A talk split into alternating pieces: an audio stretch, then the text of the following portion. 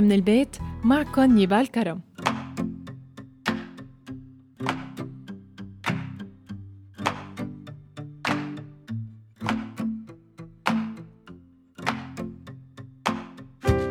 مرحبا. استوقفني منشور من كم يوم عنوانه العريض الزواج مقبرة الحب.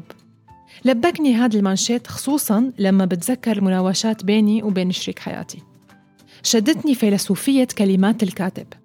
ذكر بالمنشور الحب يبقى بذكرياته وتفاصيله الجميلة ونحن نقضي عليه بقرار الزواج لأنه يلتصق حينها بالظروف والمادة والأطفال اللي بعرفه إنه نحن منصير حساسين تجاه الكلمات لما منكون بحالة عاطفية عادية وفينا نعد مسلسل درامي كامل بطولته نحن فكيف بالنسبة للأشخاص يلي عندهم رهاب وخوف وتوتر من الحب والارتباط والزواج؟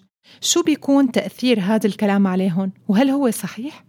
هذا موضوع حلقتنا لليوم خلونا نبدأ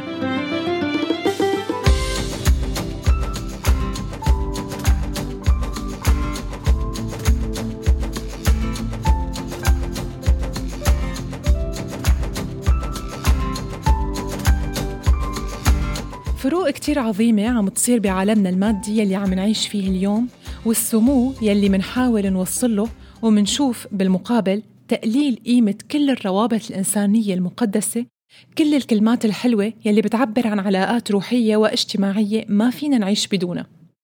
على طول لما بيحتفل اثنين بعشر سنين زواج أو لما منعرف بقصة حب جديدة عم ترسم طريقة منتفاجأ ومننبسط ومنصير نحكي عن حلاوتها بقعداتنا وجمعاتنا وبيناتنا ناس بيكون ردهم على هي المواقف بسخرية مثل بكرة منشوف بعد سنة المشاكل كلهم بيعملوا حالهم مبسوطين.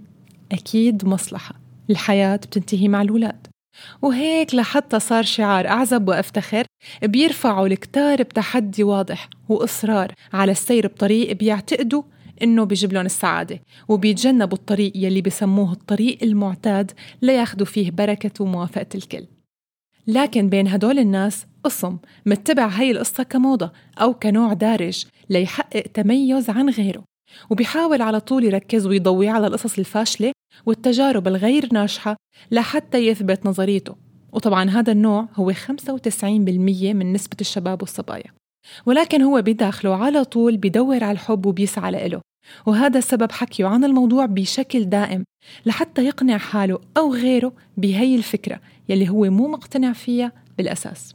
أما القسم الثاني وهو 5% من نسبة الشباب يلي عنده فعلا خوف وتوتر من الحب والارتباط والزواج ويسمى هذا النوع بالفيلوفوبيا أو رهاب الحب.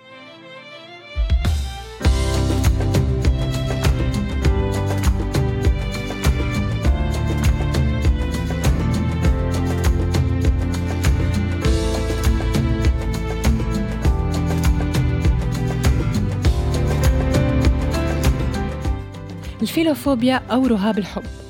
هو حالة نفسية بتسبب عزوف لكتير من الأشخاص عن الارتباط بسبب تجارب سلبية عاشوها أو تعايشوا معها بسبب محيطهم الأسري. وهذا بيأثر على مسار حياتهم العادي وبيبعدهم عن الارتباطات أو الالتزامات الأسرية.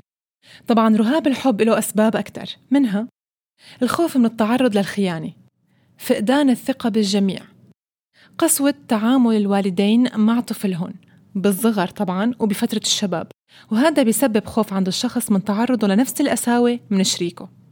حالة الأهل بالمنزل وطريقة تعاملهم مع بعض. لما بيشوف الطفل أهله بحالة شجار دائم هذا بيأثر على نفسيته جدا. عدم الثقة والضعف بيخلي الشخص إما مندفع بمشاعره نحو الآخر أو مبتعد تماما عنه وعن الاقتراب من تكوين أي علاقة. الخوف من انتهاء الحب والجفا وأخيرا الخوف من الالتزام والمسؤولية. وبرأي الدكتور أحمد الأبيض المختص بعلم النفس بيقول إنه تكرار التجارب الفاشلة بمحيط الشخص بتخليه متأكد إنه لا وجود لحب ناضج وإنه الخيانة هي نهاية كل علاقة.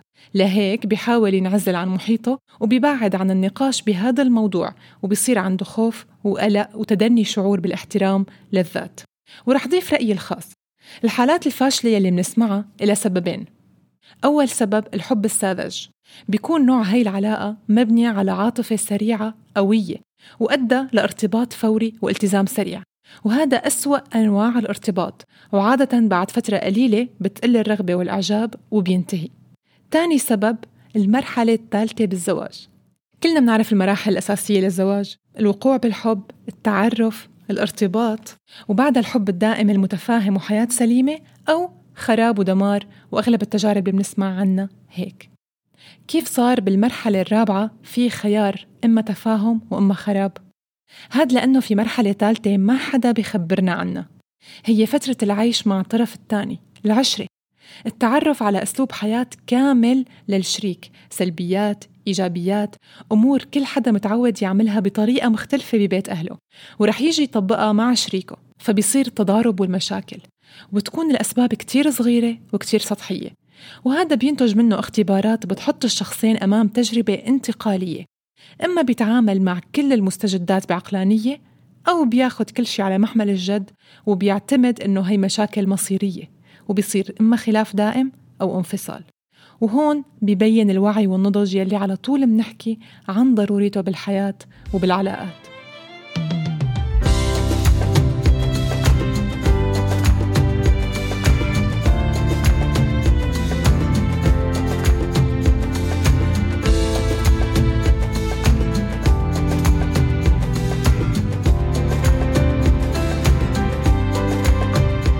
لما كتب العالم ماسلو الهرم التسلسلي لحاجات الفرد وضع الحب والانتماء من ضمنهم وبيشوف إنه الحب هو أساس العلاقات كلها الأسرة، الأخوة، الصداقة، الزواج لحتى يضل الشخص يسعى لتحقيق إنجازات متتالية. وكمان من فوائد شعور الحب إنه بيعزز الصحة النفسية ومنشوف هذا الشيء بالأطفال يلي ما حصلوا على حب كافي بيتأخروا بالتطور العقلي. بيعزز الهدف بالحياة بيعزز الشعور بالسعادة بسبب الاهتمام بالمحبوب. بيخلي الإنسان يكتشف شخصيته. الحب انعكاس لشخصية الإنسان. ممكن الحبيب يزيد وعي الطرف الثاني على نفسه وطموحه ويساعده. بتقدر تخطط للمستقبل بشكل أفضل لما بيكون حدك شخص بيوثق فيك وبيقدم لك دعم ومساعدة فأنت بتحرص أكيد على نجاحك. وأخيرا الشعور بالأمان. الإنسان ما فيه يعيش بلا حب. حب لأهله لأخوته لأصدقائه لحيوانه الأليف لنباتات زرعها وعم يهتم فيها. البشر بطبعهم بدوروا على الحب. وإذا مننتبه حتى الأشخاص يلي هن ضد الارتباط وضد الزواج عاشوا أو عم يعيشوا قصص وتجارب متعددة. البعض منها سببت لهم صدمة أو فشل ورغم هيك رجعوا حبوا من جديد. وهذا دليل إنه حتى الإنسان اللي رافض هي الفكرة من جوا هو رايد وعم ينتظر اللحظة يلي رح يلتقى فيها بالشخص المناسب.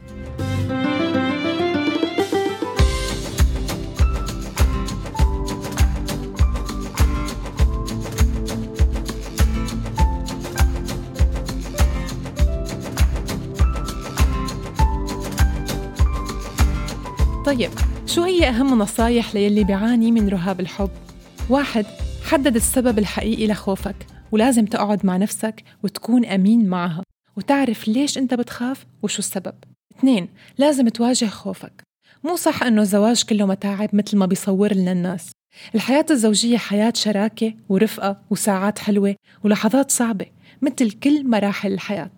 ثلاثة شوف الطرق يلي بتخليك تتفادى أغلاط غيرك بدون ما تلغي العلاقة كلها لأنه هون التميز بأنك تكون غير الكل مو تهرب لتكون غير الكل. أربعة تكلم مع شريك حياتك عن مخاوفك. المناقشة بتخلق بيناتكم جسر جديد من التواصل وبتحسم كتير أمور. خمسة تعرف على طبيعة الزواج والحب الواقعي. هو اتفاق بين اثنين على مشاركة مسؤوليات وطموح وإمكانات وتحديات. الحياة كلها هيك. أبيض وأسود. ليش منوقف عند هاي المرحلة بس؟ ستة حط خطة لحياتك ومسؤولياتك. أعرض أفكارك وطموحك وشو بتحب تحقق. وأعرضها على شريكك. هذا حل عملي ومؤثر. كل ما كان الأمر عندك واضح قلت احتمالية الخوف. سبعة شوف التجارب الناجحة واسمع للناس الناجحة بحياتها. يلي ناجح بحياته واثق بحاله ما رح يشكي من الارتباط أو الشراكة لأن هي ميزات عم بخلي الناس تحاول تقلده فيها. بيقول علاء مرسي مستشار العلاقات الإنسانية والزوجية الزواج قيمة روحانية وإنسانية ومصدر للتنور والمجتمع لازم يرسي المفاهيم الصحيحة للزواج بحيث يقوم على أساس الشراكة والحب والاحترام. وهذا بيساهم بتشجيع الشباب على فهم هي العلاقة السامية فهم صحيح. فالزواج مو مجرد إطار جميل والسوس عم بياكلوا من الداخل. وأخيرا حابة أقول ما في أمر مسلم فيه. ما في نموذج واحد محدد للحياة الناجحة. حياتك أنت بتعملها ناجحة سواء كانت مع شغل مع زوج أو زوجة مع أطفال. أنت وبس يلي بتحدد حياتك كيف بتكون بدون ما تقلد حدا لأن ما حدا بيعرف الشخص التاني كيف عايش. وصدقني الناس مستعدة بأي فرصة إنها تشكي لك عن سلبيات حياتها وهمومها ومشاكلها لتحسسك إنه الحياة تافهة وغير مجدية.